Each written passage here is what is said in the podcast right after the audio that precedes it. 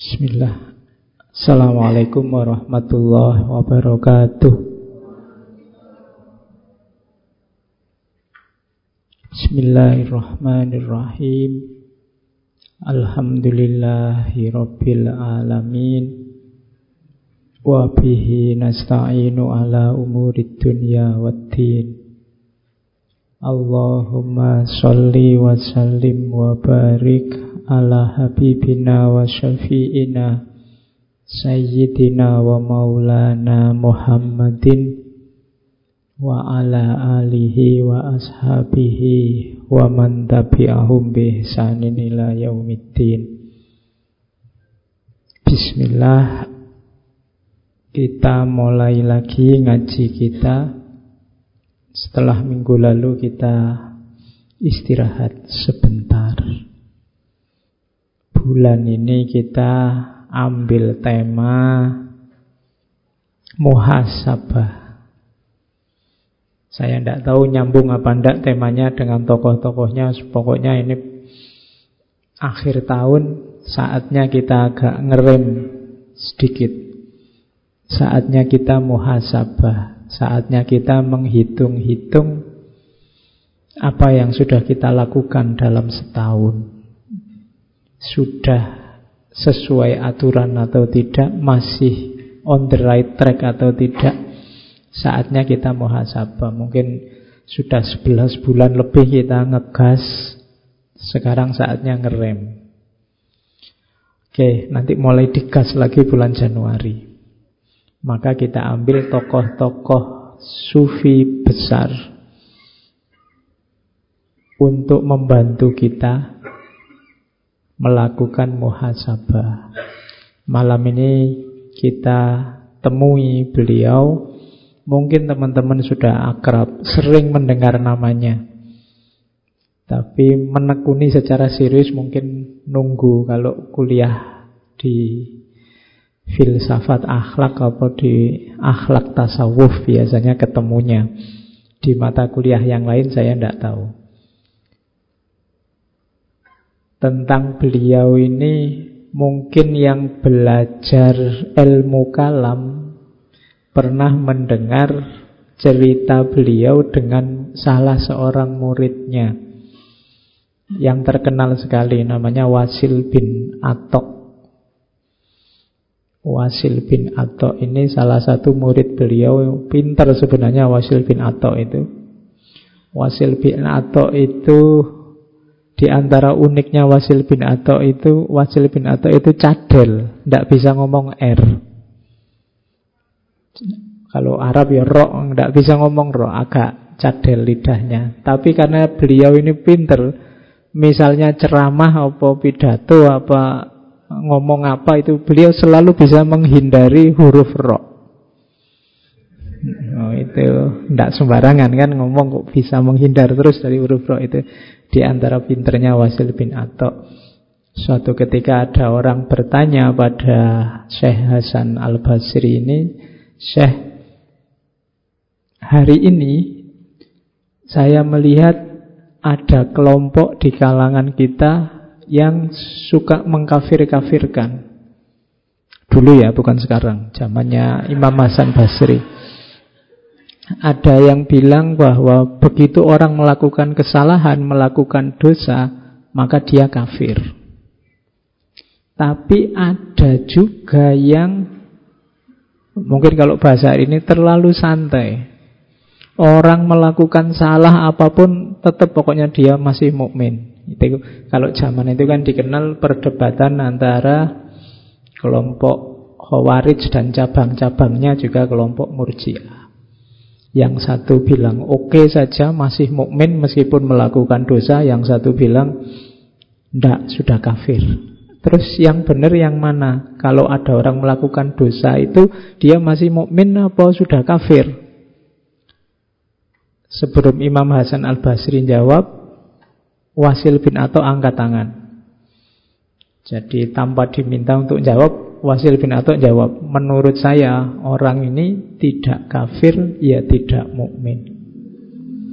Itu nanti jadi cikal bakar lahirnya pandangan yang dikenal dalam teologi Mu'tazilah namanya manzilah bainal manzilatain. Satu tempat di antara dua tempat. Kapan-kapan ya tema ini. Kita mau Syekh Hasan Basrinya ini. Jadi ada muridnya nyerobot jawaban tapi beliau tidak marah. Beliau cuma bilang, karena setelah itu Wasil bin atau setelah jawab itu berdiri terus nyari sudut masjid yang lain untuk mojok bikin kajian lain yang baru. Imam Hasan Basri cuma komentar, I'tazala anna wasil. Wah, wasil sekarang sudah misah nih dari kita. Jadi tidak marah-marah, tidak kamu murid kayak gimana? Kamu enggak enggak. Beliau enggak marah-marah, cuma komentar iktazala anna wasil. Ada yang bilang dari sinilah nanti muncul istilah wasil dan kawan-kawan disebut kelompok Mu'tazilah. Oke. Imam Hasan Al-Basri ini termasuk tabi'in. Gurunya adalah para sahabat besar. Jadi Umar, Utsman, bahkan Ali, Abdullah bin Umar, pokoknya sahabat-sahabat besar hampir semua jadi gurunya. Lahirnya di lingkungan rumahnya Rasulullah. Karena ayah dan ibunya itu maula. Maula itu sebut saja pembantu. Ayah dan ibunya dulunya budak dari Irak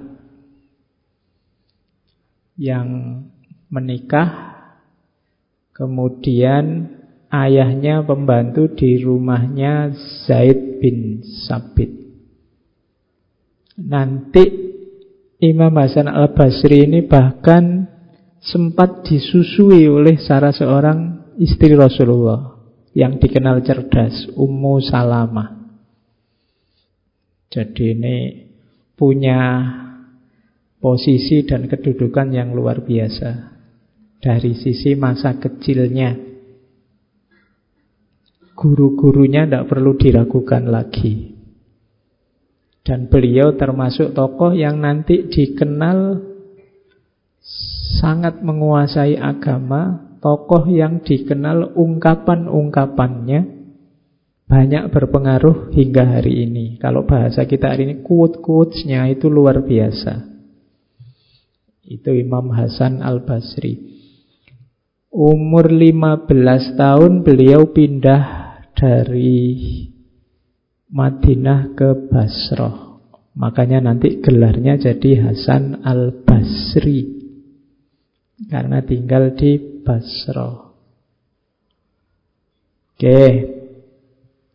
Sekarang kita lihat apa yang bisa kita ambil untuk muhasabah dari gagasan-gagasan sufistik Imam Hasan Al-Basri. Kalau ada yang tanya, Pak, ini kan ngaji filsafat, kok temanya tasawuf? Tidak tahu saya juga jawabnya gimana. Pokoknya ngaji wailah. Kalau di jurusan akidah filsafat Islam ini ya biasanya ada di mata kuliah akhlak tasawuf. Di UIN-UIN mata kuliah akhlak tasawuf itu hampir ada di semua prodi. Oke, jadi yang kuliah di UIN mungkin pernah juga ketemu dengan beliau, Imam Hasan Al-Basri.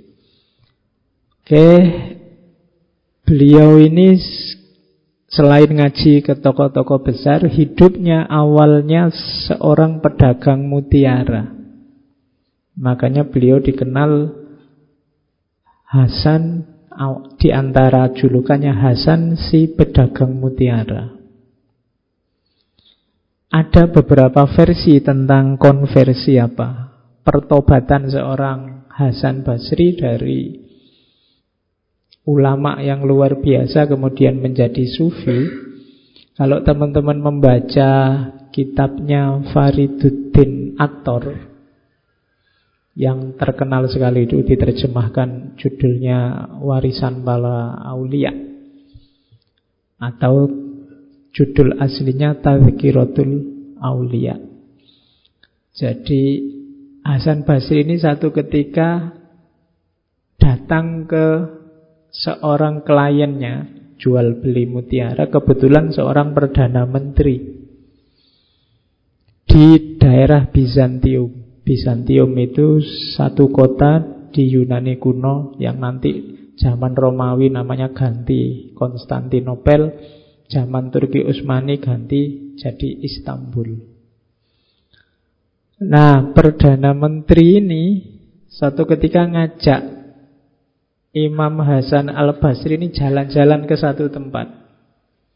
Jadi di kerajaan itu di satu tempat ada satu tenda. Di tenda itu pas Hasan al-Basri ke sana tiba-tiba datang ratusan pasukan. Kemudian merubungi tenda itu ngomong-ngomong apa sedikit terus pergi. Kemudian setelah ada pasukan datang ulama-ulama, orang pinter, filosof, cendekiawan, ratusan juga. Muter-muter di tenda itu ngomong-ngomong sebentar terus pergi. Setelah itu datang juga perempuan-perempuan cantik. Muter-muter juga di tenda itu terus pergi juga. Terakhir datang orang-orang tua. Muter di situ terus pergi, paling akhir datang rajanya. Muter juga di situ terus pergi. Ini Hasan al-Basri heran. Itu ngapain sih orang-orang itu? Kok muter-muter semua di tenda ngeruneng nggak jelas terus pergi?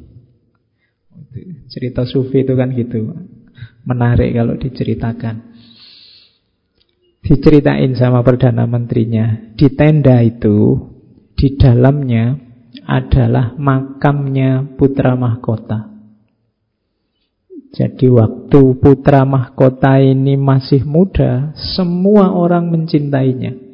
Pinter, ganteng, jagoan, pokoknya harapan pemuda-pemudi bangsa negara. Dia semua mengharapkan dia nanti mengganti raja. Tapi terus masih di usia muda tiba-tiba sakit. Semua dokter kerajaan tidak bisa ngatasi dan akhirnya meninggal. Dan dimakamkan di situ yang ada tendanya. Nah orang tadi yang datang muter-muter menggerundang itu sebenarnya sedang semacam muhasabah atau apa ya? Jadi misalnya yang pasukan tadi muter-muter di situ, yang diucapkan apa? Wahai pangeran, kalau yang melawanmu, kalau yang membuatmu sakit, membuatmu mati adalah pasukan yang bisa kami lawan, kami siap mengorbankan nyawa untuk membelamu. Tapi yang membuatmu sakit dan meninggal adalah sesuatu yang tidak mungkin kami lawan. Muter-muter terus pergi. Selanjutnya datang lagi orang-orang pinter. Para ulama, Wahai putra mahkota, kalau yang bisa menyelamatkanmu adalah ilmu, pengetahuan, filsafat, kami siap melawannya. Terserahlah, butuh santri ngaji filsafat berapa tak kerahkan. Tapi yang datang mengambil nyawamu adalah sesuatu yang tidak terlawan bahkan oleh kepandaian kami. Terus datang yang muda-muda, cantik-cantik juga begitu. Kalau bisa kami tukar nyawamu, keberadaanmu dengan kecantikan kami, dengan keindahan kami, kami semua siap. Terakhir, yang orang-orang tua tadi juga begitu. Kalau boleh ditukar, kita yang sudah tua saja yang berangkat duluan. Terserah mau ditukar berapa dari kami semua umur-umur kami. Tapi yang membuatmu meninggal adalah sesuatu yang tidak terlawan. Dan yang terakhir rajanya datang, wahai anakku. Apa pun yang ada di negara ini, dalam kuasaku, kalau memang mungkin bisa aku tukar dengan kehidupanmu kembali, aku tukar. Tapi ternyata tidak bisa, tidak laku bahkan kerajaan dan seisinya dan raja-rajanya sekaligus. Jadi tiap hari ada adegan ini. Dan ini menyentuh seorang Hasan Basri. Akhirnya beliau pulang sampai di rumah terjadi konversi mengalami kesadaran yang luar biasa bahwa dunia ini sebenarnya tidak ada harganya. Bahkan satu negara dibandingkan satu nyawa saja tidak bisa dilawan.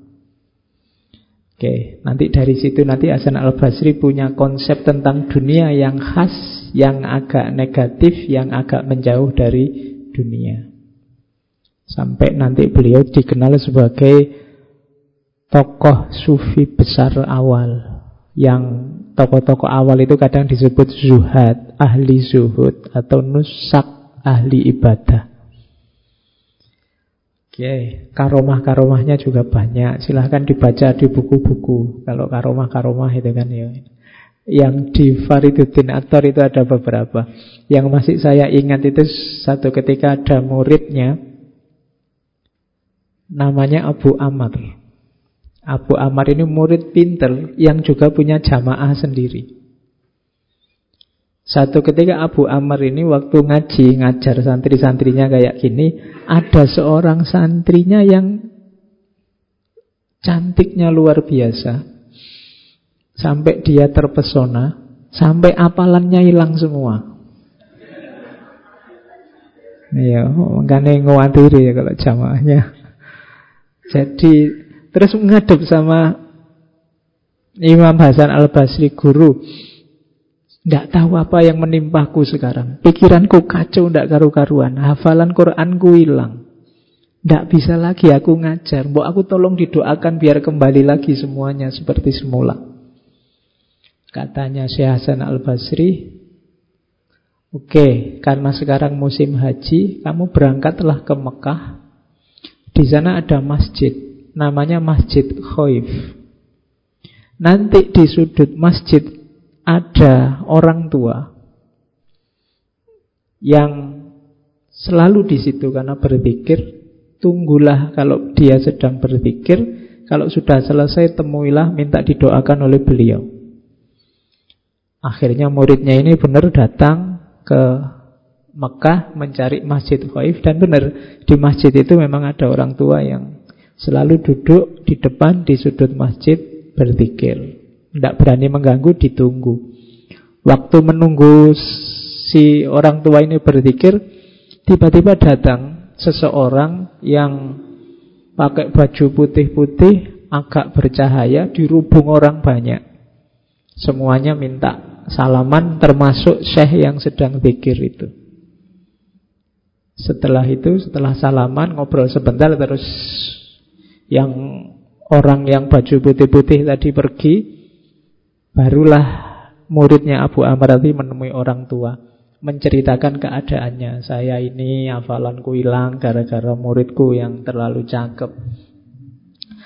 Akhirnya sama si syekh yang tua ini didoakan.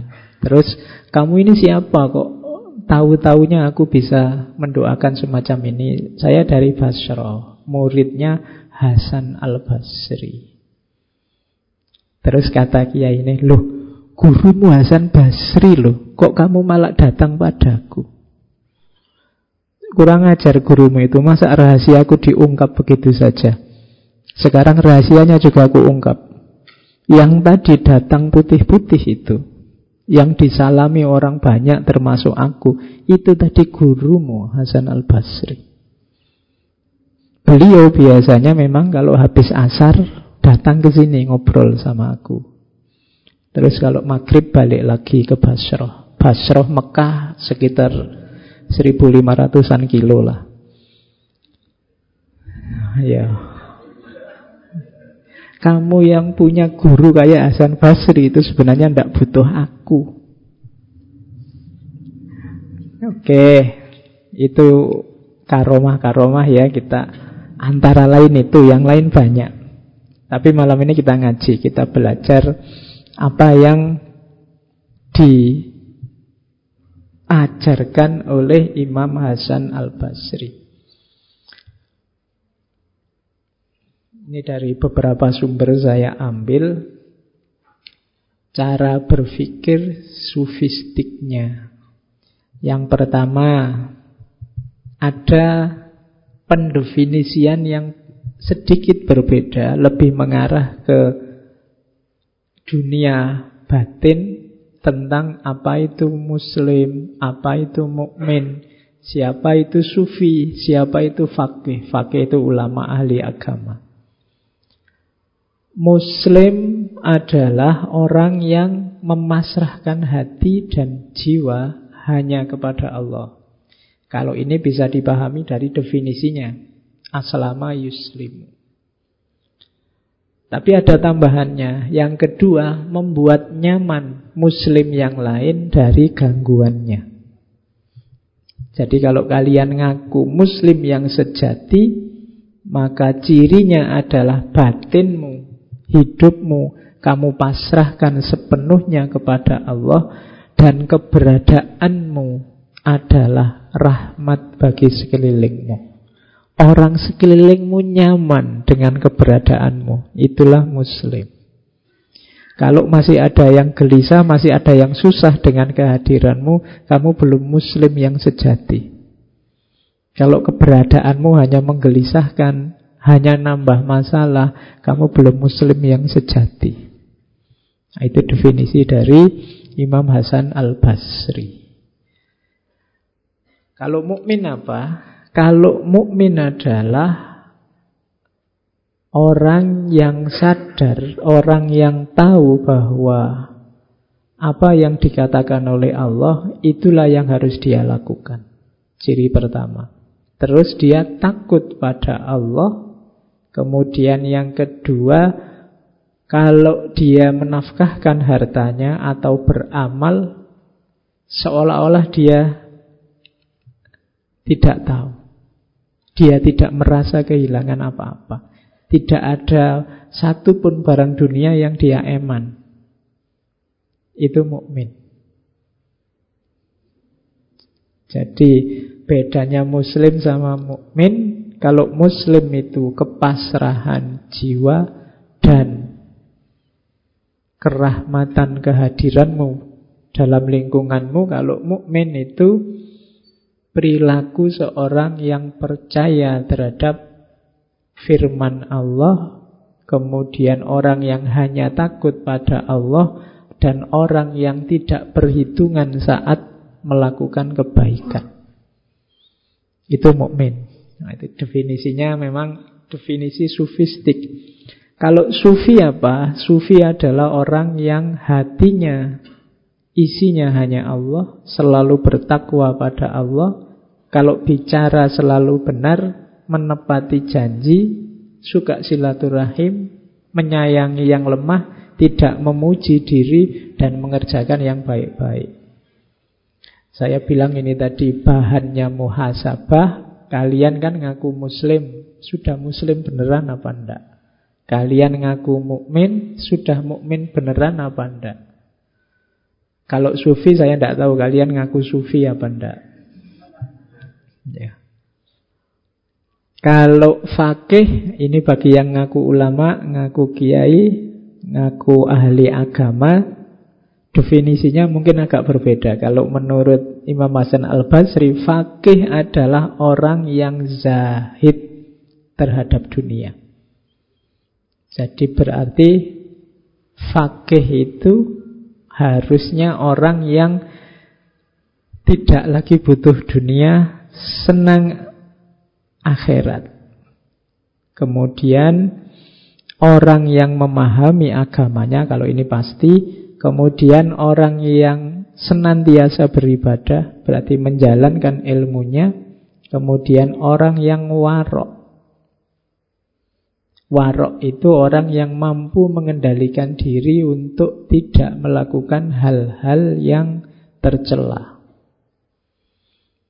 Kemudian orang yang menjaga kehormatan kaum muslimin dan harta mereka. Tidak saling menjatuhkan. Jadi di antara cirinya ahli agama, fakih itu menjaga kehormatannya siapa pun. Berarti tidak posting apa pun yang jelek-jelek tentang muslim yang lain. Kalau masih ada indikasi itu berarti belum fakih. Dan yang terakhir menjadi penasehat dan pembimbing bagi masyarakatnya. Nah, ini untuk kalian yang mungkin makomnya sudah fakih, ayo dicek sudah punya karakter ini apa belum. Kalau belum ya belajar. Oke ya, jadi bahan pertama untuk muhasabah ini. Nanti silahkan di rumah dicek kita sudah muslim mukmin yang benar, sufi yang benar atau fakih yang benar atau belum. Kalau belum ya tahun depan diperbaiki.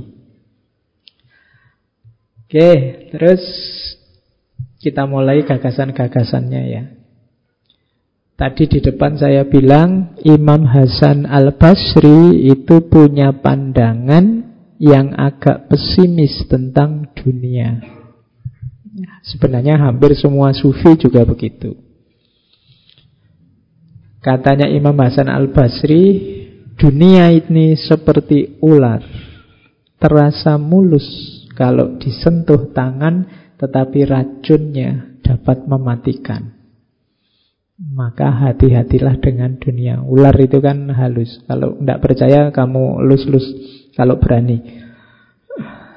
Kenapa kamu takut sama ular? Karena racunnya dapat mematikan. Harusnya kamu kalau takut dekat atau menyentuh ular, seperti itulah sikapmu pada dunia. Biar tidak sembrono. Yang kedua, dunia ini adalah janda tua yang telah bungkuk dan beberapa kali ditinggal mati suaminya. Maksudnya apa? Banyak loh sebelumnya orang yang jatuh cinta sama dunia. Dan orang itu sekarang mati sudah. Maka dunia ini posisinya janda. Jadi orang yang jatuh cinta sama dunia itu sebenarnya kalian sedang jatuh cinta sama janda. Kenapa? Sebelum kamu sudah banyak yang sudah jatuh cinta sama dunia. Dan orangnya sudah banyak juga yang meninggal. Berarti kan kamu dapat bekasnya mereka. Itu pun kamu senangnya setengah mati sama dunia. Jadi dunia itu janda tua yang bungkuk yang sudah beberapa kali ditinggal mati suaminya. Beberapa kalinya itu bisa jumlahnya ratusan juta itu sudah. Sejak zaman Nabi Adam sampai hari ini. Jadi seperti itu Imam Hasan al-Basri memahami dunia. Oke, lah terus diapain dunia ini? Dunia adalah negeri tempat beramal. Tapi ada rumusnya. Rumusnya apa? Barang siapa bertemu dengan dunia dengan rasa benci dan zuhud, ia akan berbahagia dan memperoleh faedah darinya. Jadi jangan jatuh cinta sama dunia, zuhudlah. Zuhud itu memandang kecil, memandang tidak terlalu penting. Maka dunia akan kamu dapati banyak manfaatnya. Nanti di quotes yang lain katanya Imam Hasan al-Basri, dunia itu alat. Maka jadikan dia alat untuk tujuanmu, jangan dibalik. Kamu yang jadi alatnya dunia. Banyak orang yang hari ini terbalik. Dia jadi alatnya dunia, bukan dunia yang jadi alatnya untuk mendekat pada Allah. Namun barang siapa bertemu dunia dengan perasaan rindu dan hatinya tertambat pada dunia, ia akan sengsara dan akan berhadapan dengan penderitaan yang tidak dapat ditanggungnya. Apa pun yang menurutmu bagus, indah di dunia ini, sikapilah dengan zuhud. Anggaplah dia kecil tidak terlalu penting. Karena kalau kamu jatuh cinta beneran, rindu beneran, tertambat beneran sama dunia, bersiaplah untuk menanggung segala penderitaan dan resikonya. Apa pun itu. Harta itu terlalu sedikit membuatmu gelisah, terlalu banyak membuatmu bingung. Apalagi pasangan, istri, suami Terlalu jelek kamu stres Terlalu cantik kamu ya stres Kalau terlalu tertambat susah Jabatan juga begitu Pangkat juga begitu, kedudukan juga begitu. Begitu kamu terlalu terikat ke sana, siap-siaplah menanggung resikonya. Jadi ini pandangannya Imam Hasan Al-Basri tentang dunia. Masih ada lagi. Tidaklah gambaran kehidupan dunia ini seluruhnya dari awal sampai akhir kecuali seperti orang yang tidur. Dia melihat dalam tidurnya apa yang dia senangi, kemudian dia tersadar bangun. Ini mirip dulu Imam Ghazali yang mengibaratkan jangan-jangan hidup kita ini kayak mimpi. Enggak kok pak, ini nyata kok pak. Lu kamu pas mimpi juga begitu, rasanya kayak nyata. Begitu bangun kamu sadar bahwa oh Allah ternyata mimpi. Besok mungkin begitu kamu meninggal, ganti alam kamu baru sadar bahwa oh ternyata dunia yang heboh kemarin itu rasanya hanya kayak mimpi. Yang sejati sekarang di sini, yang kemarin itu hanya permainan. Bisa jadi begitu. Itu kan di Imam Ghazali. Nah, Imam Hasan Al-Basri jauh sebelumnya sudah mengisyaratkan dunia ini kayak orang tidur. Begitu kamu bangun nanti kamu tahu yang sejati. Sekarang sih seolah-olah ini sejati. Sesuatu yang fana, betapapun banyaknya, tidak akan menyamai sesuatu yang bakok, betapapun sedikitnya. Waspadalah terhadap negeri yang cepat datang dan pergi, serta penuh tipuan.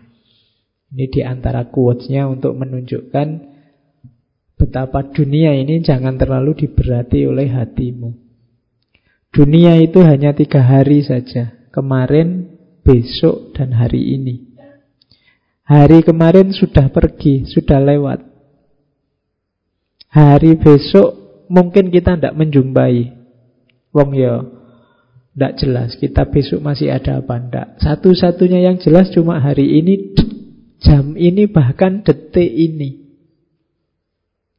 Ini yang jadi milik kita, maka manfaatkanlah sebaik-baiknya. Jadi maksudnya Imam Hasan Al-Basri, detik yang tadi sudah lewat.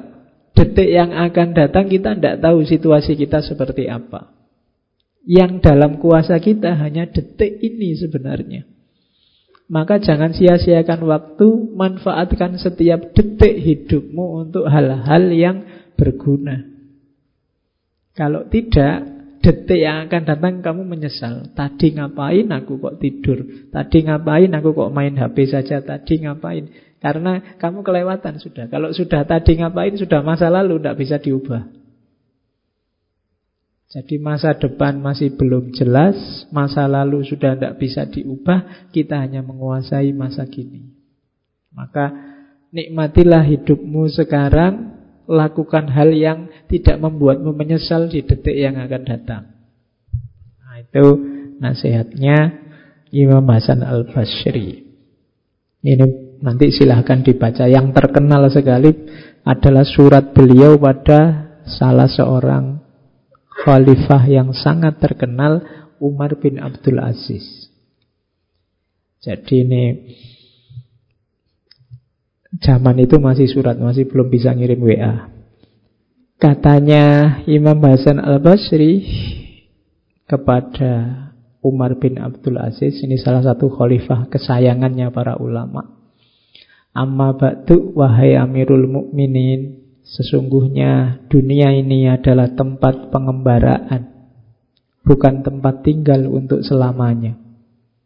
Nabi Adam diturunkan ke dunia dari surga sebagai bentuk hukuman dari kesalahan yang pernah dilakukannya. Jadi kalau dilihat dari kisahnya Nabi Adam, hidup kita di dunia ini hukuman. Maka berhati-hatilah dengan dunia. Sesungguhnya orang yang sadar bahwa dirinya akan meninggalkan dunia akan selalu mempersiapkan bekalnya untuk akhirat. Dan orang yang selalu terikat dengan dunia tidak akan sempat beramal untuk bekalnya di akhirat. Setiap saat selalu ada yang menjadi korban tipu daya dunia. Barang siapa yang tersanjung oleh dunia akan terhina. Barang siapa yang cinta dunia akan kekurangan bekal untuk akhirat. Dunia ibarat racun, siapa yang memakannya akan binasa.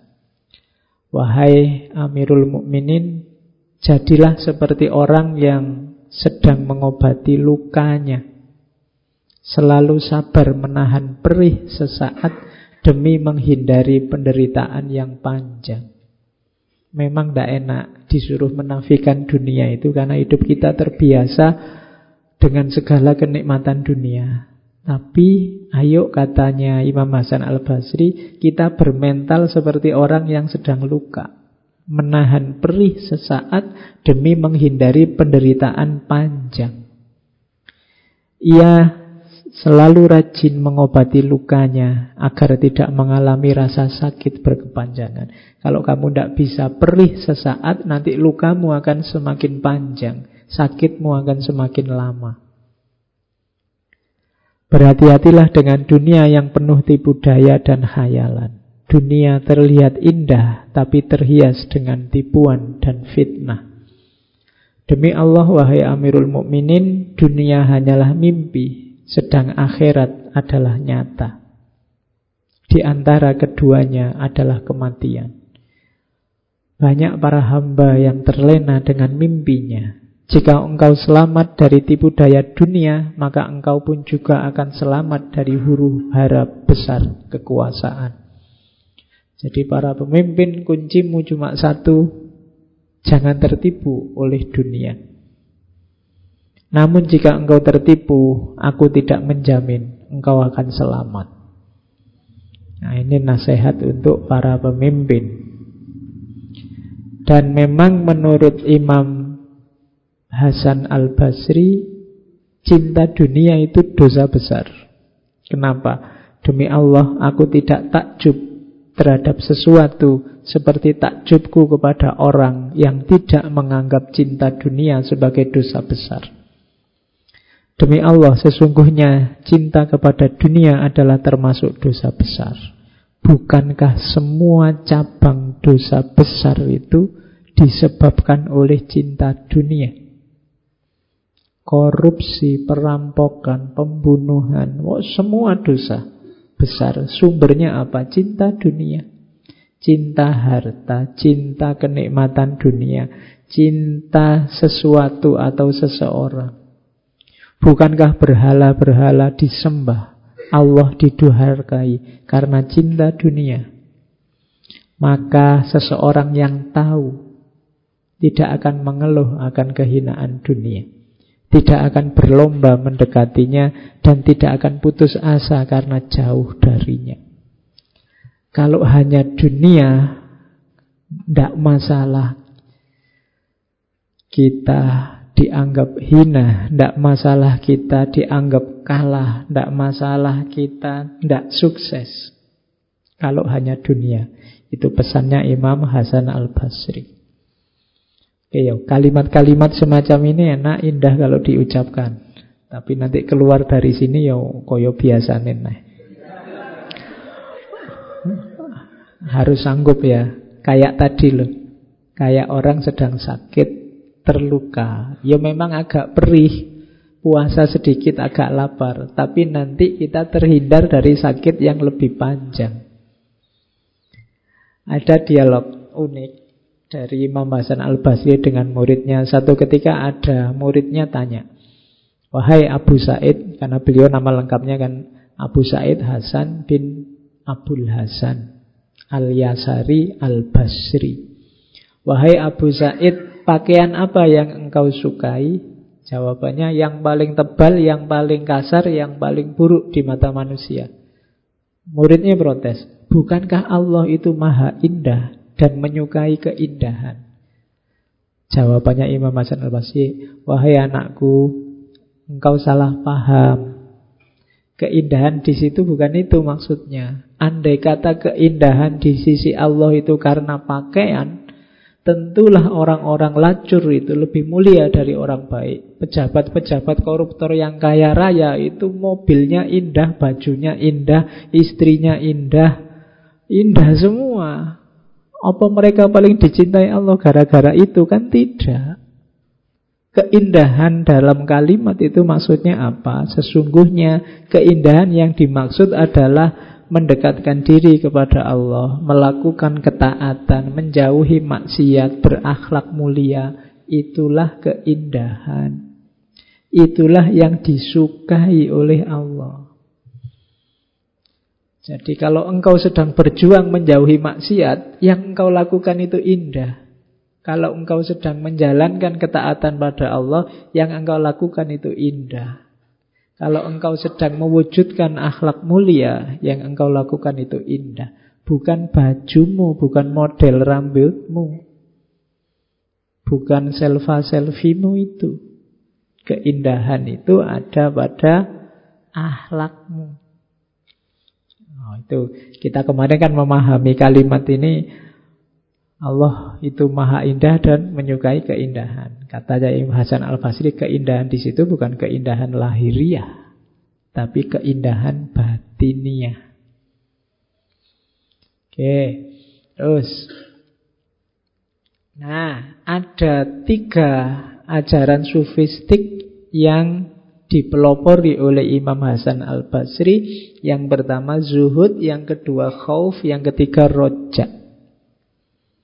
Khauf dan rojak dulu pernah kita bahas khusus yang rojak pada philosophy of hope, filsafat harapan, yang khauf pada filsafat ketakutan, philosophy of fear.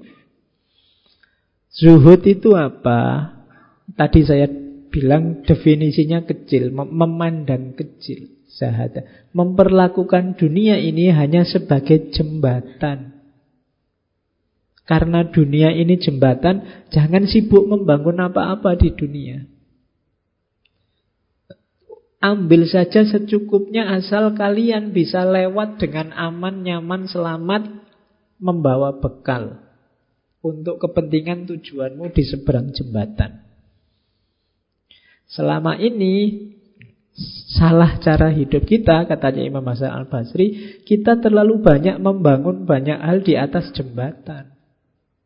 Wong jembatan itu kan hanya untuk dilewati, tidak untuk ditinggali. Kita hanya sementara. Orang Jawa punya istilah dunia ini hanya mampir ngombe. Mampir sebentar untuk minum. Terus jalan lagi. Jangan lama-lama berhenti, nanti kamu tidak nyampe. Jalan terus ilaihi rojiun. Nah, zuhud itu nanti dalam teorinya ada tiga, ada zuhud yang sifatnya fardu, ada zuhud yang sifatnya fadl, utama, ada zuhud yang sifatnya salamah.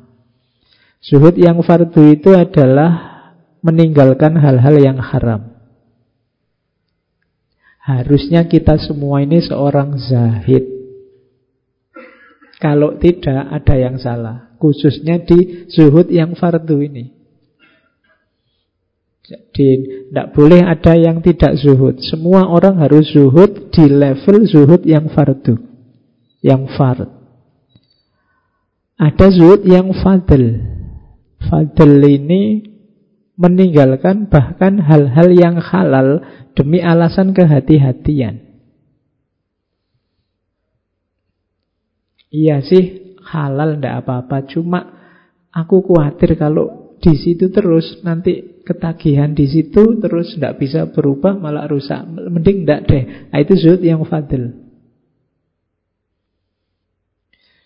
Iya sih, punya mobil gonta-ganti itu ndak masalah, punya mobil banyak juga ndak masalah. Tapi aku khawatir kalau aku gonta-ganti mobil, punya mobil banyak, nggak bisa menahan hasrat tamakku malah nanti blunder. Nah itu udahlah ndak usah gonta-ganti mobil, beli satu aja yang paling mahal, paling bagus.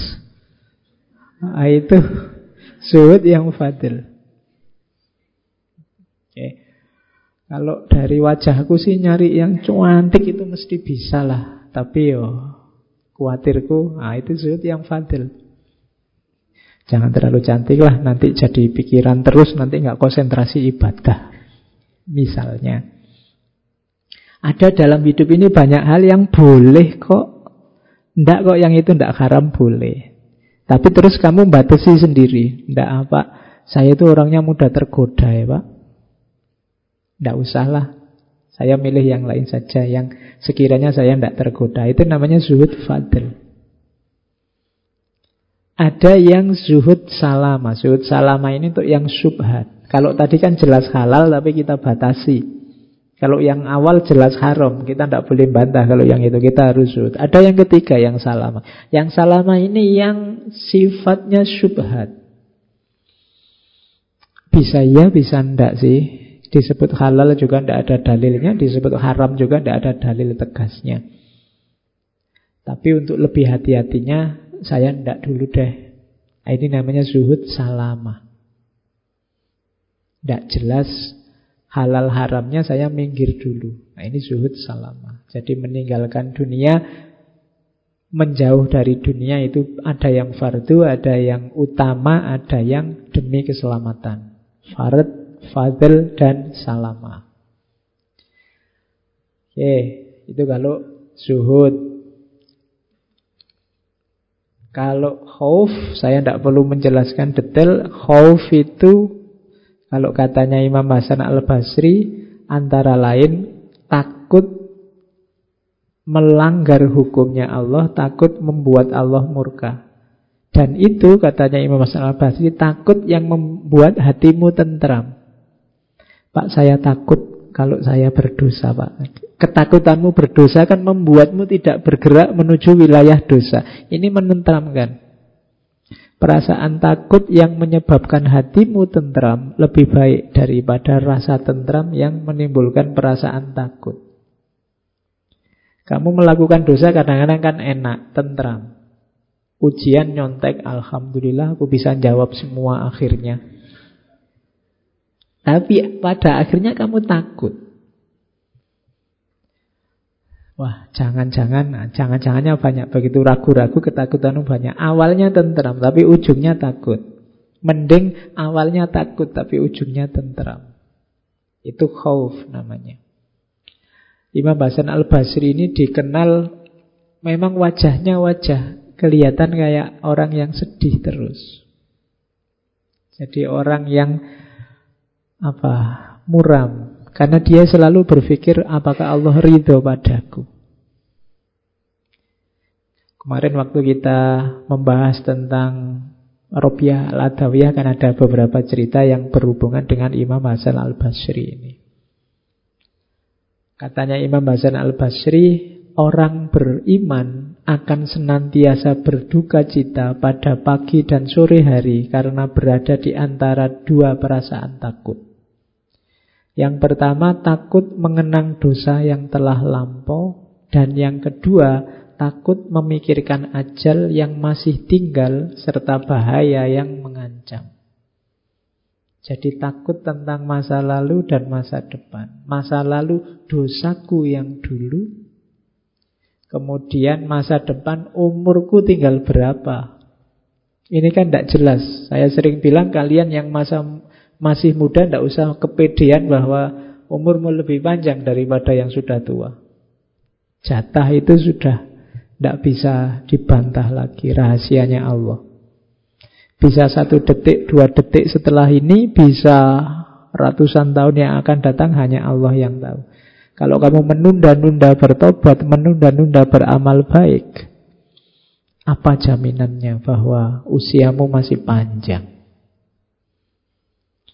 Jadi orang yang beriman itu harus punya rasa takut. Tidak boleh tidak ada takutnya sama sekali. Yang ketiga, paling tidak takut setelah mati, takut kiamat dan lain sebagainya. Takut itu katanya Imam Hasan Al-Basri ada beberapa jenis. Dulu ini pernah saya sampaikan di Waktu kita ngomong tentang fear, philosophy of fear. Ada khauf, ada wajal, ada khosyah, ada rohbah, ada haibah. Kalau khauf itu takut karena sadar bahwa aku itu lemah. Ya Allah aku itu lemah. Ada apa-apa sedikit tergoda. Kira-kira kuat tidak ya aku ini menghabiskan umur dalam kebaikan, wong aku ini lemah. Itu khauf. Kalau wajal, takut pada sesuatu yang lebih tinggi karena kekuasaan dan hukumannya. Ini kayak gemetar. Wajal itu makna literalnya gemetar. Kita di hadapan Allah harusnya gemetar. Kenapa? Karena Allah punya kuasa apa pun. Beliau punya kuasa atas pahala, dosa, hukuman. Ini namanya wajar. Kayak kalian habis melanggar apa terus dulu waktu SMA dipanggil guru BP. Terus kamu gemeteran sebelum masuk ruangan itu wajar. Atau kalian waktu apa? Salah apa sama dosennya apa malesu tanda tangannya apa apa terus dipanggil Nah, itu wajar. Karena kamu tahu beliau punya kuasa atas dirimu untuk memberikan hukuman. Ada lagi khosyah. Khosyah ini takut yang sangat besar. Yang ini nanti pangkalnya, awalnya iltija. Iltija ini terus yang membuatmu ingin berlindung pada yang punya kuasa. Itu namanya khosya. Kamu takut dipukul kakakmu waktu kecil. Terus kamu lari-lari nyari ayahmu apa ibumu untuk berlindung. Itu namanya khosya. Ada rohbah. Rohbah itu enggan lari dari sesuatu yang tidak disukai. Rohbah itu lawannya rohbah. Kalau rohbah itu suka. Kalau rohbah benci. Jadi takut yang membuatmu benci itu rohbah. Ada yang ngejar-ngejar kamu sampai kamu takut ini. Jangan-jangan mau ganggu aku ini. Terus kamu lari. Itu namanya rohbah. Ada haibah. Kalau haibah ini takut karena merasa kalah level. Kalau sama Allah ya Allah yang maha besar maha tinggi kita takut dan gentar. Pertandingan kok level RT melawan Barcelona atau Madrid misalnya, wah itu haibah namanya. Sebelum tanding sudah kalah duluan. Itu namanya haibah. Oke, jadi ada khauf, ada wajal, ada khosyah, ada rohbah, ada haibah. Kita harus punya ini. Orang Jawa menyebutnya wong iki ya kudu duwe wedi. Nek gak roh wedi, kalau ndak tahu rasa takut, hidupmu akan susah sendiri. Karena yang bisa ngerem hal-hal yang buruk dalam hidup kita itu khauf. Kalau kita tidak takut sama sekali malah membahayakan hidup kita. Paling tidak takutlah ini. Katanya Imam Hasan al-Basri, kita tertawa. Kita merasa puas. Padahal bisa jadi Allah menengok amal-amal kita kemudian berfirman, Aku tidak menerima amal kalian sedikit pun. Oh ini paling menakutkan. Kalian sudah merasa jadi anak soleh, merasa saya rajin ngaji loh pak. Tahajud juga lumayan. Tuhan tidak pernah terlambat. Kalian kan puas, merasa aku soleh beneran surga ini. Mesti aku suarga. Kan kamu gitu terusan. Ah, temanku apalagi, temanku itu sholatnya aja masih bolong-bolong itu kan surga. Kita tertawa. Padahal bisa jadi Allah menengok amal kita kemudian berfirman, semua amalmu tidak ada yang aku terima. Oh, itu mengerikan itu sudah. Paling tidak takutlah ini. Karena Allah yang kuasa atas ini. Banyak amal-amal besar dari orang-orang besar yang mengakibatkan kecelakaan hidupnya hanya karena kesalahan-kesalahan kecil. Jadi, seandainya kalian tidak takut apa pun, harusnya kalian takut kalau ini terjadi. Allah tidak meridhoimu, tidak menerima amalmu. Meskipun kamu merasa sudah plus, sudah surplus, pahalamu banyak. Saya itu Pak mesti jamaah di masjid Pak tinggal dihitung. Sekali jamaah 27, 27 kali 5 kali 30. Oh, banyak loh Pak itu. Kalau ada kotaan masjid itu paling tidak saya 5 ribu atau 10 ribu. Anggap saja 10 ribu. Itu pahalanya dilipat gandakan 700 ribu kali. 700 ribu kalau 10 ribu, oh banyak. Jadi kalau dosa kecil-kecil sudah nggak ngefek, sudah timbangannya sudah banyak. Misalnya kalian kalkulasi begitu. Padahal nanti Allah, tidak ada yang tak terima satupun amalmu. Oh itu alamat sudah Takutlah ini paling tidak wes seaman apa pun hidupmu. Karena ini murni hak prerogatifnya Allah. Jadi ada takutnya, tapi juga ya jangan jadi orang yang putus asa. Tetap harus ada rojaknya. Ada harapan. Percaya pada kemurahannya Allah. Iya, Allah itu memang syadidul ikob. Tapi dia juga wafurur rahim. Kalau terlalu berat di sadidul ikob, jangan-jangan nanti kita putus asa. Kalau putus asa haram. Kalau terlalu berat di wafurur rahim, jangan-jangan nanti kita sembrono menyepelekan. Jadi harus imbang, khauf dan rojak. Yang kedua, rojak itu husnudzon pada Allah. Berpandangan baik pada Allah. Itu khusnuzon. Jangan-jangan Allah tidak menerima amalku ya. Nah, ini untuk pancatan biar kamu tidak sembrono. Tapi juga jangan putus asa. Insya Allah Allah itu sangat sayang pada ciptaannya. Jauh melebihi sayangmu padanya. Nah itu rojak namanya. Yang ketiga, dekatnya hati terhadap kelemah lembutan Allah. Yang keempat, senangnya hati terhadap tempat kembali yang baik, akhirat. Jadi hatinya tertambat tidak pada dunia tapi pada akhirat. Itu alamat orang rojak. Akhirat kan yang akan datang. Bukan sekarang. Rojak itu kan tentang hal yang akan datang. Kemudian memandang Allah itu penuh rahmat, penuh sayang. Nanti ada teorinya rojak itu ada rojak yang terpuji, ada rojak yang tercela. Hati-hati ya. Yang tercela dulu. Rojak yang tercela itu bagaimana? Orang yang kayak tadi terlalu berharap akan kemurahannya Allah tapi tidak melakukan apa-apa. Ya oke tapi terus tenang aja. Allah Maha Pengampun. Dosa kayak gini tidak ada apa-apanya. Maafnya Allah itu, ampunannya Allah itu wasiat kulli syai. Jadi santai aja, jangan stres. Nah, tapi nggak ngapa-ngapain. Tetap dosanya dilanjutkan seperti sebelumnya. Ini tercela, tidak boleh. Kalau memang kita merasa lemah banyak dosa, yang dikedepankan jangan rojaknya, tapi khaufnya. Jadi perjuangannya lewat jalur khauf. Meskipun nanti diimbangi rojak. Kalau khauf sudah bisa mendinginkan kesalahanmu baru kamu rojak.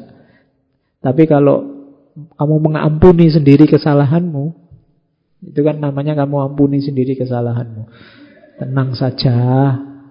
Allah maha rahmat, tenang saja. Allah cinta pada kita, itu kan kamu ampuni sendiri. Besok diulang lagi.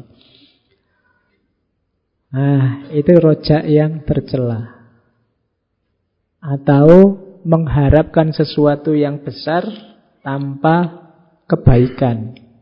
Tanpa kebaikan itu misalnya saya ingin jadi orang soleh loh Pak. Ya no belajarlah jadi orang soleh Anda apa kalau Allah menakdirkan nanti kan saya bisa sendiri. Nah, itu namanya rojak yang salah.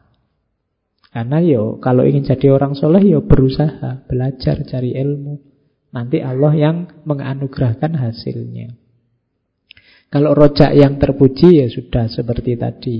Jadi melakukan rojak plus amal baik atau bertobat kemudian berusaha mengganti amal jeleknya dengan kebaikan. Baru boleh rojak. Jadi ini memang formula yang harus hati-hati. Makanya kalau digambar itu khauf dan rojak itu harus simultan dan dia akan optimal kalau zuhud jadi dasarnya.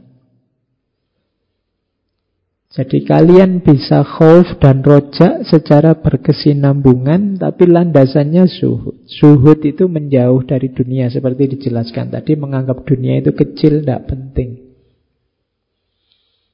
Berarti apa? Kalian khauf itu takut tertipu oleh dunia, takut jatuh cinta oleh dunia, dan rojaknya berharap Allah menyayangimu, membantumu untuk tidak tertipu oleh dunia. Jadi khauf dan rojak didasari oleh zuhud. Ini sebenarnya tiga ajaran utama dari Imam Hasan al-Basri. Jadi rumusnya ini sebenarnya. Oke, rumus ini diterapkan dalam kehidupan kita. Kalau matematika ya dasarnya ini, tapi nanti contoh kasusnya ya hidupmu sendiri-sendiri. Kapan kamu harus khauf, kapan kamu harus rojak, seperti apa formulasi suhudmu.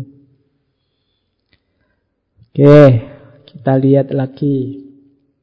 Kalau ini pandangan Imam Hasan al-Basri tentang yang terbaik yang terbaik. Warisan terbaik ilmu. Kalau kalian ini meninggalkan apa pun, peninggalan apa pun, entah pada anak turunmu, anak cucumu, anak muridmu, atau temanmu, kasih ilmu.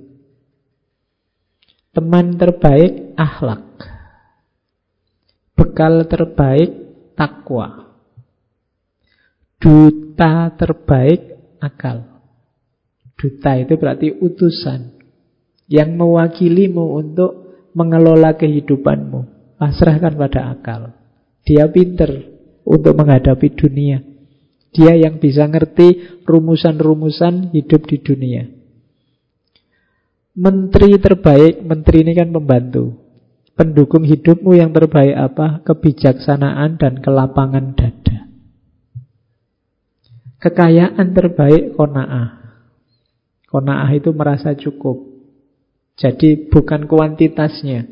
Jadi kekayaan itu akan baik untuk hidupmu bukan karena jumlahnya tapi karena sikap mentalmu. Kalau sikap mentalmu kona'ah, berapapun jumlah hartamu, engkau orang kaya. Kona'ah itu rasa cukup dalam kepemilikan. Penolong terbaik Taufik. Taufik bukan nama orang ya. Anugerah dari Allah. Pemberian Allah itu taufik. Bantuan dari Allah itu taufik. Dan penasehat terbaik kematian. Kalau ini tidak perlu saya jelaskan. Kalian sudah ngerti. Kalau ingat mati hatimu tidak tergetar, berlatihlah lagi untuk melembutkan hatimu. Berarti ada tanda-tanda hatimu sedang keras. Karena harusnya logikanya orang itu ingat, ingat mati terus tergetar.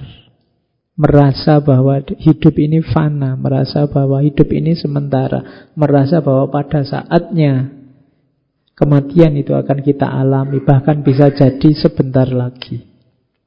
Nah, itu namanya penasehat terbaik. Jadi tidak usah susah-susah. Ingatkan saja terhadap kematian. Kalau ada masalah besar, ada problem besar, orang galau, orang sumpek, orang stres, bilang saja, ah kita ini hidup berapa lama sih? Pada akhirnya juga mati.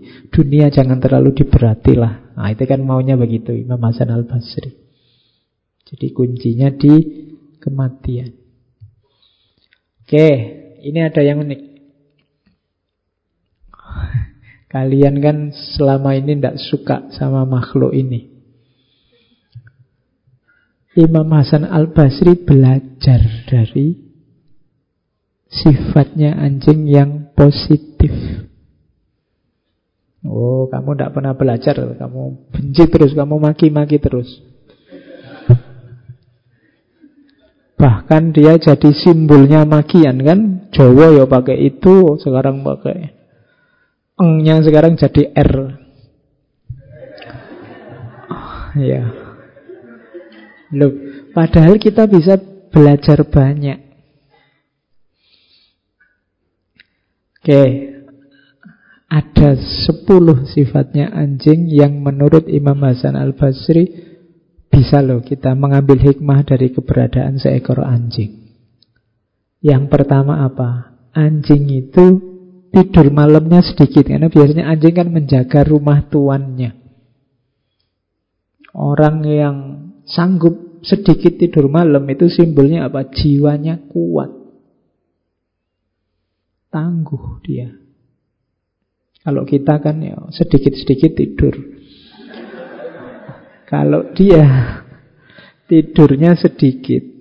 Loh, makanya terus coba dilihat sabar menemani tuannya.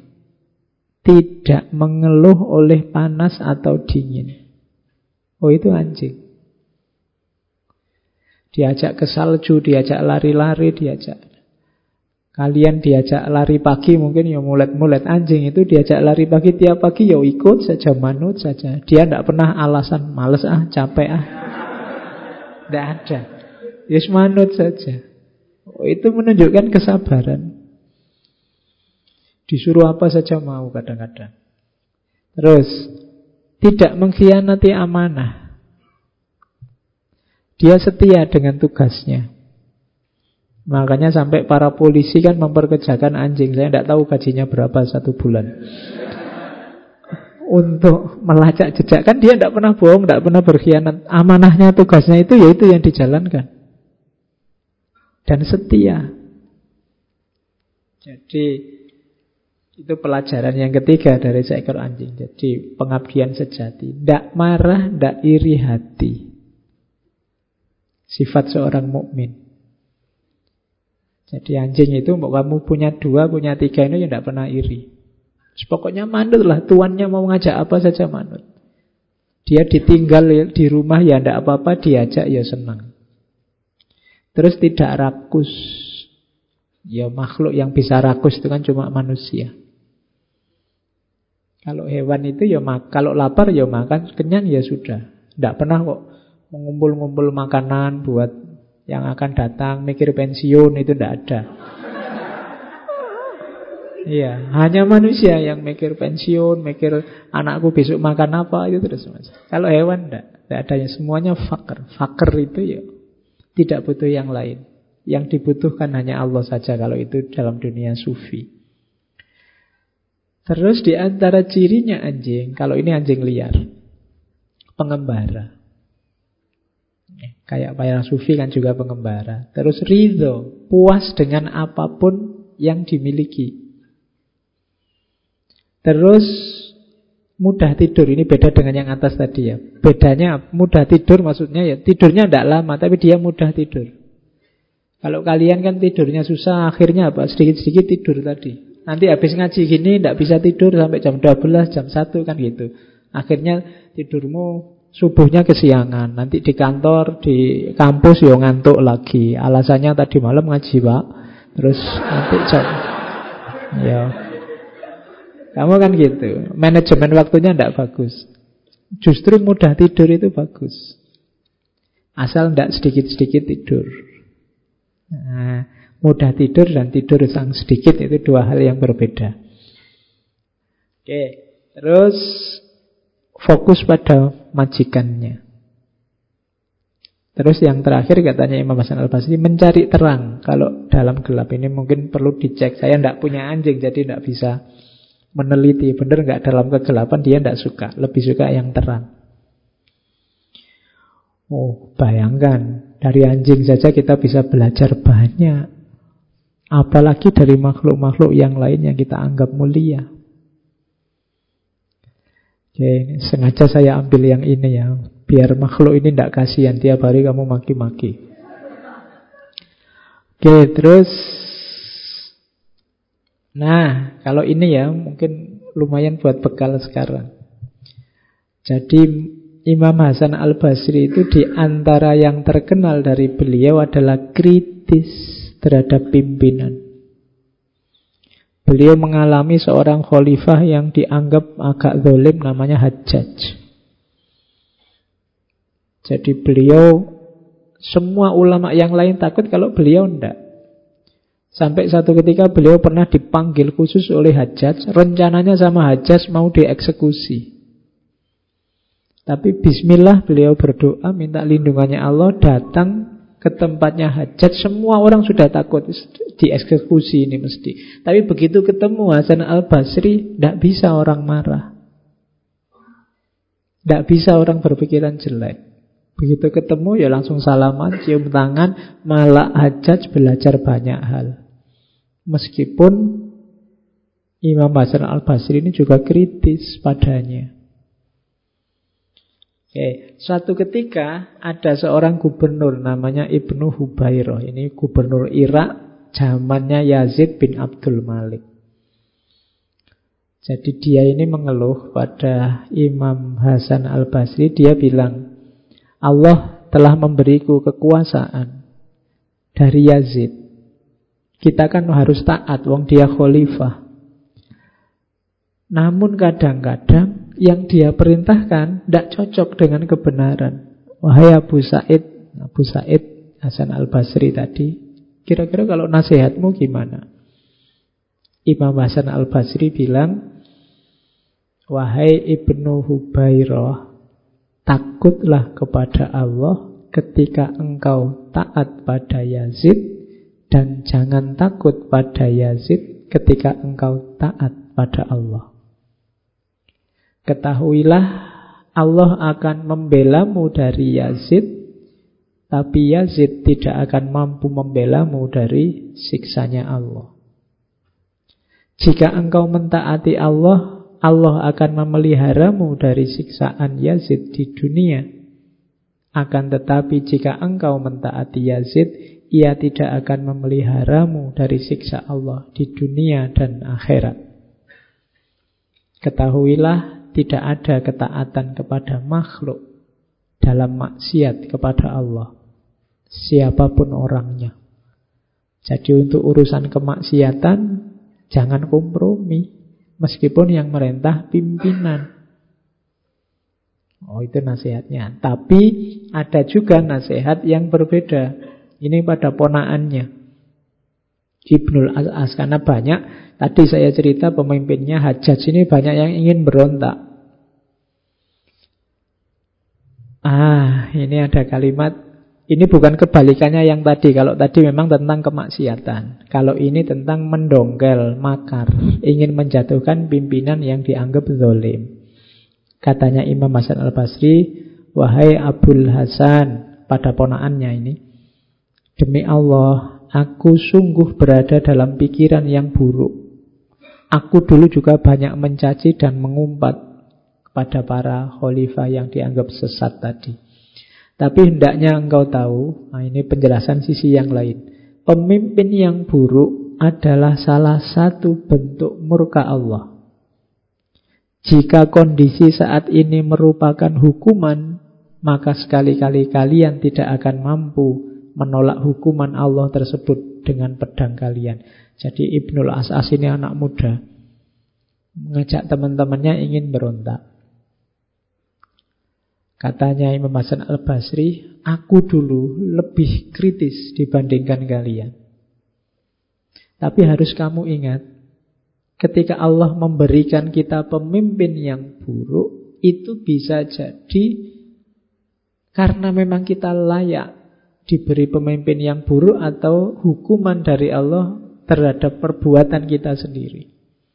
Maka tidak ada gunanya kamu lawan dengan pedang. Pertama-tama yang harus kamu lakukan apa? Berdoa, bertaubat, lepaskan diri dulu dari semua dosa. Karena kalau kamu tiba-tiba melawan dengan pedang, maka ia akan lebih tajam. Maksudnya, khalifah yang dolim itu akan mudah membasmimu sebelum engkau doa, taubat dan melepaskan diri. Karena logikanya Imam Hasan Al-Basri, kalau ini memang hukuman dari Allah pada kita, berarti ada kesalahan kita, ada dosa kita yang membuat Allah murka. Jalan pertama apa? Berdoa, bertobat, lepaskan diri dari semua kesalahan.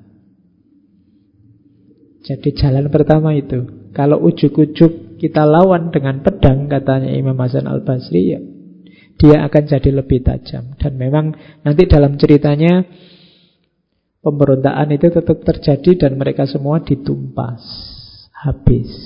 Yo, melawan kekhalifahan tidak gampang. Oke. Nah, nanti di kitabnya Ibnul Jauzi itu ada hadis yang juga diriwayatkan oleh Imam Hasan Al-Basri dari Abu Bakar Rasulullah yang bersabda Allah berfirman ini berarti hadis kudsi Aku adalah Allah Tidak ada Tuhan selain aku. Raja dari segala raja. Hati para raja ada di tanganku. Siapa di antara kalian taat kepadaku, maka aku jadikan raja-raja itu sebagai rahmat baginya. Siapa di antara kalian bermaksiat kepadaku, maka aku jadikan raja-raja itu azab baginya. Oleh karena itu, janganlah kalian sibuk mencaci para raja, namun bertaubatlah kalian kepadaku. Maka Aku jadikan para raja itu simpati kepada kalian. Oh ini ini cara berpikirnya menarik. Kalau ada yang mau mengkaji mungkin ini sejenis etika politik dalam dunia sufi. Berhadapan dengan kekuasaan. Jadi ada logika-logika yang berbeda tadi.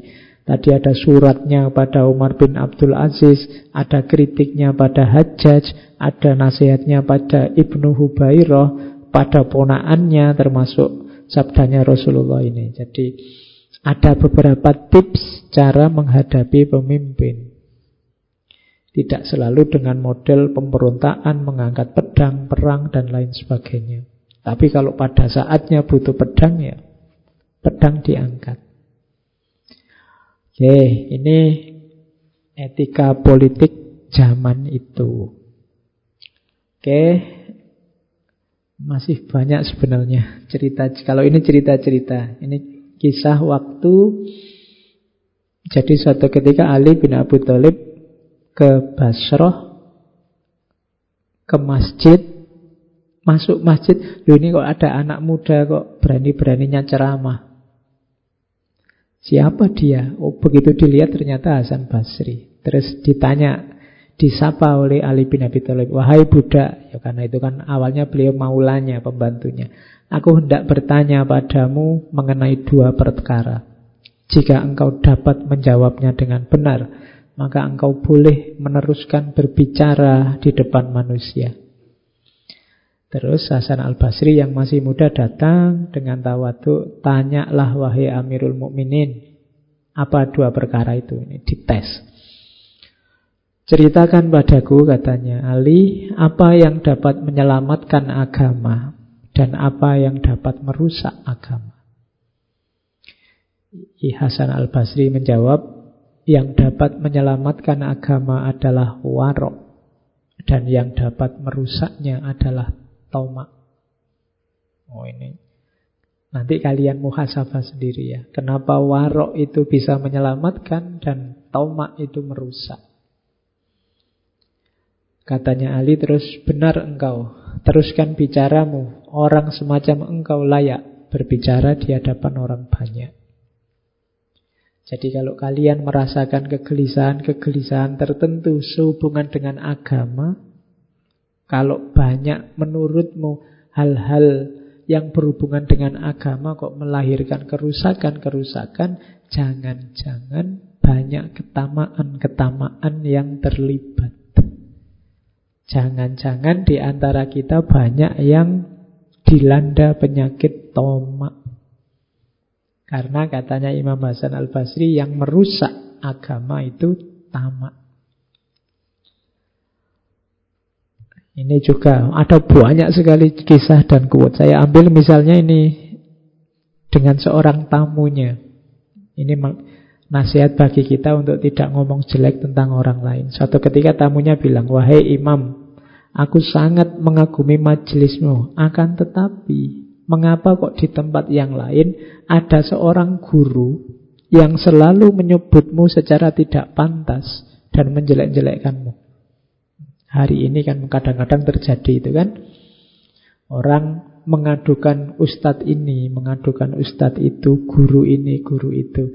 Nah ini dia mau wadul, apa wadul lagi bahasa Indonesia nih, mengadu pada Imam Hasan Al-Basri. Katanya Imam Hasan Al-Basri, tolong kamu hentikan pembicaraanmu itu wahai tamuku. Orang yang engkau sebut tadi, aku kenal. Dia adalah juga sahabatku. Adapun yang akan kau sampaikan kepadaku tentang dia yang selalu menjelekkanku, maka jika engkau bohong, engkau harus dicambuk karena berdusta.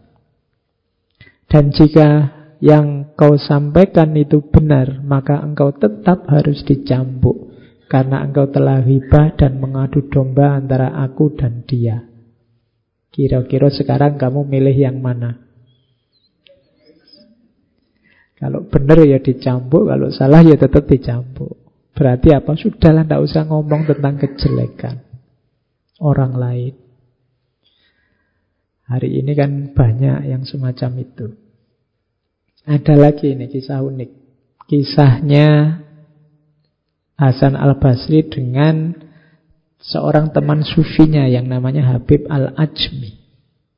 Jadi satu ketika Imam Hasan al-Basri ini mengunjungi seorang sufi besar, Habib Ajmi. Pada waktu sholat, ya karena beliau tamu terus tuan rumah disuruh jadi imam. Tapi begitu Habib Ajmi jadi imam, pusing ini Hasan Basri. Ini sufi ngimami tajwid rusak ndak karu-karuan. Panjang pendeknya kacau gitu. Gatel telinganya nggak kusuk sholatnya akhirnya mufarokoh. Ah kalau caranya gini kacau ini Gak khusus sholatku Sholat sendiri aja deh Misah dari imamnya Habib Ajmi ya ndak apa-apa Tapi malamnya Imam Hasan Basri bermimpi Dapat peringatan langsung Hasan Jika saja engkau berdiri di belakang Habib Ajmi Dan menunaikan sholatmu niscaya kamu akan memperoleh keridoanku dan sholatmu akan memberi manfaat yang jauh lebih besar dari seluruh sholat dalam hidupmu. Kamu mencoba mencari kesalahan dalam bacaan sholatnya, tapi kamu tidak melihat keikhlasan, kemurnian, dan kesucian hatinya. Ketahuilah, aku lebih menyukai hati yang tulus daripada tajwid yang sempurna. Ya. Jadi dunia sufi logikanya selalu semacam ini. Kita kan yang sering terjebak formalitas-formalitas. Jadi padahal kita tidak tahu keutamaan itu ada di mana. Ampunan Allah itu ada di mulutnya siapa. Keridoan Allah itu datangnya dari perilakumu yang mana. Jadi Jangan merendahkan orang, menyepelekan orang, menjelek-jelekkan orang, dan lain sebagainya. Jadi ini pelajaran dari kisahnya bersama Habib Ajmi. Oke, kita kan juga punya Habib sekarang banyak. Terus, yang sufi juga kan banyak. Kalau ini kisah tentang seorang pemabuk. Suatu ketika Waktu Imam Hasan al-Basri jalan-jalan Tiba-tiba lihat orang mabuk masuk dalam lumpur Terus diingatkan oleh Imam Hasan al-Basri Hati-hati tuh kalau jalan Jangan sampai tenggelam. Ah, Cuma saya tidak tahu pemabuknya ini kemasukan apa. Jawabannya Wahai Tuan Hasan Jika aku tenggelam Aku sendiri yang hilang. Tapi apabila diri Tuhan yang tenggelam, maka semua pangkat dan jabatan Tuhan akan ikut tenggelam. Ini sindiran pada Hasan al-Basri. Jangan tertipu oleh pangkat jabatan dan semua topengmu. Dia hanya akan memberatkan hidupmu. Kamu bawa ke mana-mana, kamu lebih sumpek lagi. Kalau hanya aku yang tenggelam selesai Siapa yang kenal aku, siapakah aku Mungkin tidak muncul juga di berita Wong aku tidak penting Yang hilang hanya seorang pemabuk Tapi kalau Imam Hasan al-Basri yang tewas tenggelam, wow, ada yang kehilangan guru, ada yang kehilangan mursid, ada yang kehilangan sahabat. Ah, dunia Islam kehilangan, banyak sekali yang kehilangan. Kenapa? Jabatannya banyak, gelarnya banyak, posisinya banyak. Jadi hal-hal duniawi masih banyak yang nempel. Oh ini di antara peringatan pada Imam Hasan al-Basri. Siapa mengira kalau ini kalimat ini muncul dari seorang pemabuk. Mungkin yang mabuk juga tidak sadar ngomong apa. Atau memang mulutnya dipinjam oleh Allah untuk mengingatkan Hasan al-Basri. Makanya saya bilang tadi kita tidak tahu. Hikmah itu muncul dari mulut yang mana. Terus, kalau ini mirip kisahnya waktu kita bahas Laila Majnun. Jadi satu ketika ada perempuan muda yang nyebrang jalan sambil dia ngeruneng mengeluh tentang suaminya. Pokoknya mungkin sedang gegeran sama suaminya. Oleh Hasan Al-Basri diingatkan karena perempuan ini tidak pakai tutup kepala. Kalau hari ini mungkin tidak pakai jilbab lah. Terus perempuan itu jawab, cinta kepada suami membuatku tak sadar akan lingkungan sekelilingku. Jika Tuhan tidak memberitahuku, aku tidak tahu kalau aku belum memakai tutup kepala. Saking sibuknya mikir suami, aku sampai lupa, masih belum pakai tutup kepala. Oke, kritiknya aku terima. Namun heranku Tuhan, katanya Tuhan itu pecinta Allah. Tapi Tuhan masih saja sadar dan sibuk dengan apa yang melintas di depan Tuhan. Cinta Allah seperti apa yang Tuhan miliki? Oh itu, ini yang nyindir malah yang keliru. Nah, ya kan?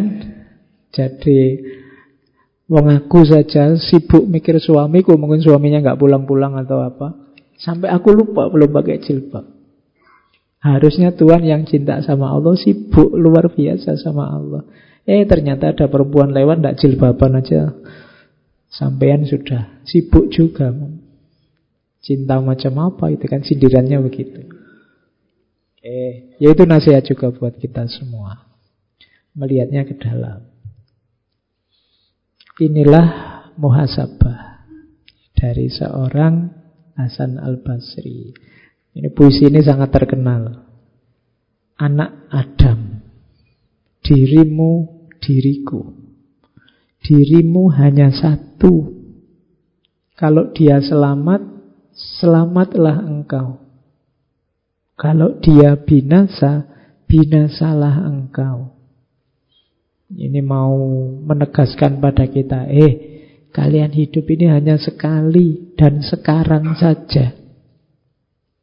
Diri juga kamu punya satu, tidak bisa diganti. Kalau dirimu yang satu itu celaka, ya sudah selesai ceritamu dalam celaka. Kalau dirimu yang satu itu bahagia, ya engkau akan bahagia dan selamat. Jangan coba-coba lagi. Nunggu apa lagi? Seriuslah segera mendekat ke Allah. Karena kalau dia binasa, penyesalanmu tidak akan ada akhirnya. Dan orang yang telah selamat tak dapat menolongmu Mungkin kamu mengharapkan tokoh siapa, mungkin kamu mengharapkan orang yang mana yang bisa menyelamatkanmu, yang menurutmu dia selamat. Tapi seandainya dia selamat pun dia tidak bisa membuatmu selamat. Kalau tidak engkau sendiri yang membuat dirimu selamat. Tiap-tiap nikmat yang bukan surga adalah hina. Dan tiap-tiap bencana yang bukan neraka itu mudah. Jangan mengeluh oleh kesulitan. Selama itu bukan neraka, tidak masalah. Dan apa? Jangan tertipu oleh nikmat selain surga. Karena selain itu nikmatnya sementara dan hina. Jadi terus berjalan. Jangan tertipu oleh bencana atau kenikmatan. Kenapa? Hidupmu hanya sekali, dirimu hanya satu, tidak bisa diulang. Kalau kamu tidak lulus ujian bisa diulang tahun depan, bisa remedi semester pendek. Tapi kalau hidupmu di dunia ini tidak bisa. 90% tangisannya penduduk neraka adalah harapannya untuk kembali lagi ke dunia meskipun hanya satu hari saja. Tapi sudah tidak bisa. Maka semua nikmat selain surga levelnya masih hina. Dan semua bencana selain neraka itu masih mudah. Maka tetaplah khauf, tetaplah rojak pada Allah. Oke. Nah, makanya kenapa judulnya munas, muhasabah? Katanya Imam Hasan al-Basri, seseorang tidak akan mendapatkan predikat ketakwaan sampai dia melakukan muhasabah kepada dirinya sendiri lebih ketat dibandingkan teman yang bermuhasabah terhadap temannya. Jangan menilai orang lain, yang pertama nilailah dirimu sendiri. Hasibu anfusakum qabla antuhasabu. Nilai dirimu sebelum menilai orang lain. Hari ini kan kita lebih banyak sibuk menilai orang lain, postingannya orang lain, komentarnya orang lain. Nah, ayo nilai diri sendiri. Komentator terhebat kemungkinan adanya dari Indonesia. Jadi kalau sepak bola itu kita bolak-balik kalah, sekarang ganti aja kompetisi kompetisi komentator sepak bola. Oh, kemungkinan kita juara. Ya, Twitter, Facebook, Instagram itu kan mungkin Indonesia itu paling ramai. Jadi kalian paling suka ngomentari orang lain. Oke, kalau ngomentari diri sendiri mungkin ya tidak terlalu laku. Kadang-kadang ngomentari diri sendiri biar dikomentari orang lain. Itu juga tidak masuk hitungan. Oke. Yang kedua, seorang hamba akan berada dalam kebaikan selama dia mampu menasehati dirinya sendiri dan selalu menghisap dirinya sendiri. Sebelum engkau dihisap, hisaplah dirimu. Kalian akan tetap akan mudah jadi orang baik kalau kalian punya kekuatan untuk menasehati dirimu sendiri. Kalau kalian tidak bisa nuntun dirimu sendiri, kemungkinan agak sulit kalian untuk mewujudkan kebaikan-kebaikan karena kalian tergantung pada orang lain. Di antara tanda-tanda Allah berpaling dari seseorang ialah Allah menjadikan kesibukannya pada perkara-perkara yang tidak bermanfaat baginya. Nanti di antara bahan muhasabah kita, ayo dicek. Kalian kan merasa sibuk, waktumu terbatas untuk banyak hal, disuruh bikin tugas apa itu kan rasanya kalau tidak mepet ya tidak jalan. Terus kamu itu sibuk apa? Coba dicek. Apakah kesibukanmu itu ada manfaatnya untuk dirimu? Kalau Imam Hasan Al-Basri berarti untuk kehidupan akhiratmu atau tidak? Kalau tidak, mungkin memang oleh Allah kamu dikondisikan begitu. Mungkin Allah sudah berpaling darimu. Kesibukanmu tidak ada maknanya sama sekali, tidak ada manfaatnya. Dibikin begitu biar kamu jauh oleh Allah. Jadi hakikatnya yang menjauh engkau sendiri. Oke. Jadi ini quote-quote dari Hasan Basri. Yang terakhir, barang siapa, kalau ini hari ini banyak, mencela dirinya sendiri di hadapan banyak orang, sesungguhnya sebenarnya dia sedang memuji dirinya. Dan hal itu adalah satu tanda dari riak. Sekarang kan banyak. Kadang-kadang saya juga begitu. Allah apa sih saya ini? Aku itu ilmuku terbatas, aku itu ini koyok-koyok merendahkan diri tapi gak kerasa sebenarnya yang kira pamer. Ingin menunjukkan ini loh aku sudah sadar. Kamu mengkafir-kafirkan orang. Aku ini sudah kafir mau apa kamu? Oh itu kan kayak koyok wis menunjukkan ini kayak kayak sadar tapi sebenarnya ada pamernya. Katanya Imam Hasan Al-Basri loh ini bukan saya Yang semacam itu sebenarnya jenisnya ria yang benar gimana Pak? Terus apa ngomong bahwa aku itu pinter gitu? Ya ndak. Ya podo salah ndak usah menilai dirimu dan dipamer-pamerkanlah. Kamu muhasabah untuk dirimu untuk meningkatkan kualitas hidupmu. Kalau ndak sangat penting ndak usah cerita ke orang lain. Ya kalau tahajud sih saya belum bisa ya gimana lagi? Itu kayak-kayak merendahkan diri padahal itu untuk menunjukkan bahwa kamu itu sebenarnya sudah sadar jadi hati-hati dengan klaim-klaim katanya Hasan al-Basri sesungguhnya itu dia sedang memuji dirinya sendiri. Itu sejenis riak juga. Apalagi sombong. Itu riak double. Di teori yang lain kan yang sombong itu malah bukan riak tapi musyrik. Kenapa? Karena orang sombong itu orang merasa besar, merasa tinggi, merasa lebih. Ini kayak orang syirik menyekutukan Allah, dia tidak sadar bahwa segala daya, segala kekuatan, segala ketinggian itu sumbernya dari Allah, bukan dari dirinya. Berarti dia sedang menduakan Allah. Jadi sombong itu sering disebut syirik kecil. Jadi kalau kamu ngomong membesar-besarkan dirimu itu sombong dan itu bukan riak tapi syirik kecil, musyrik. Nah, mengecil-ngecilkan dirimu biar orang lain menganggap kamu besar, ah, itu baru ria. Sama kayak saya kapan itu pernah mencontohkan kadang-kadang kita mau sholat tahajud tapi ah banyak teman tidak jadi ah nanti dianggap anak soleh kapan-kapan aja. Itu sebenarnya juga ibadahmu masih karena manusia, tidak karena Allah. Itu bisa masuk kategori ria ini. Gara-gara ada manusia kamu Mau sodakoh, anda ah, jadi nanti dianggap pamer, tidak usah lah. Tulis saja hamba Allah. Masih manusia yang jadi pertimbangan. Emangnya misalnya ditulis namamu orang kenal siapa kamu kan tidak juga. Mungkin kamu aja yang kegeeran. Jadi biasa sajalah. Wong kamu tidak ingin pamer bahwa orang mengenali ya tidak apa-apa.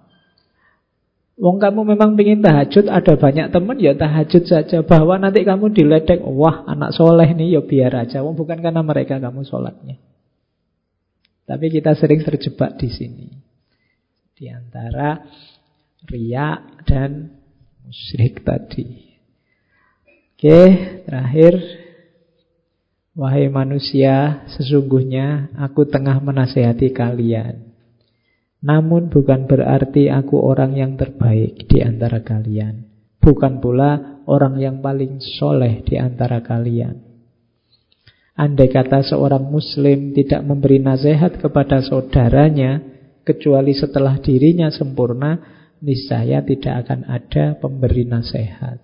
Jadi ini ucapannya Imam Hasan Al-Basri juga saya ucapkan juga. Kamu jangan nganggap saya yang terbaik, Jangan nganggap wis soleh. Saya ngomong kayak gini bukan berarti wah Pak Faiz sudah melaksanakan yang di depan semua bel prek. Tidak juga. Kita sama-sama belajar ya, sama-sama latihan. Jadi ya siapa tahu dari sekian banyak berbusa-busa saya ngomong sejak awal ada sedikit yang bisa meningkatkan kualitas hidup kita dalam rangka ilaihi roji'un. Tidak berarti yang ngomong lebih baik daripada yang diomongi. Jadi karena memang kita hidup bersama ini kan bedanya di beda fungsi main kita.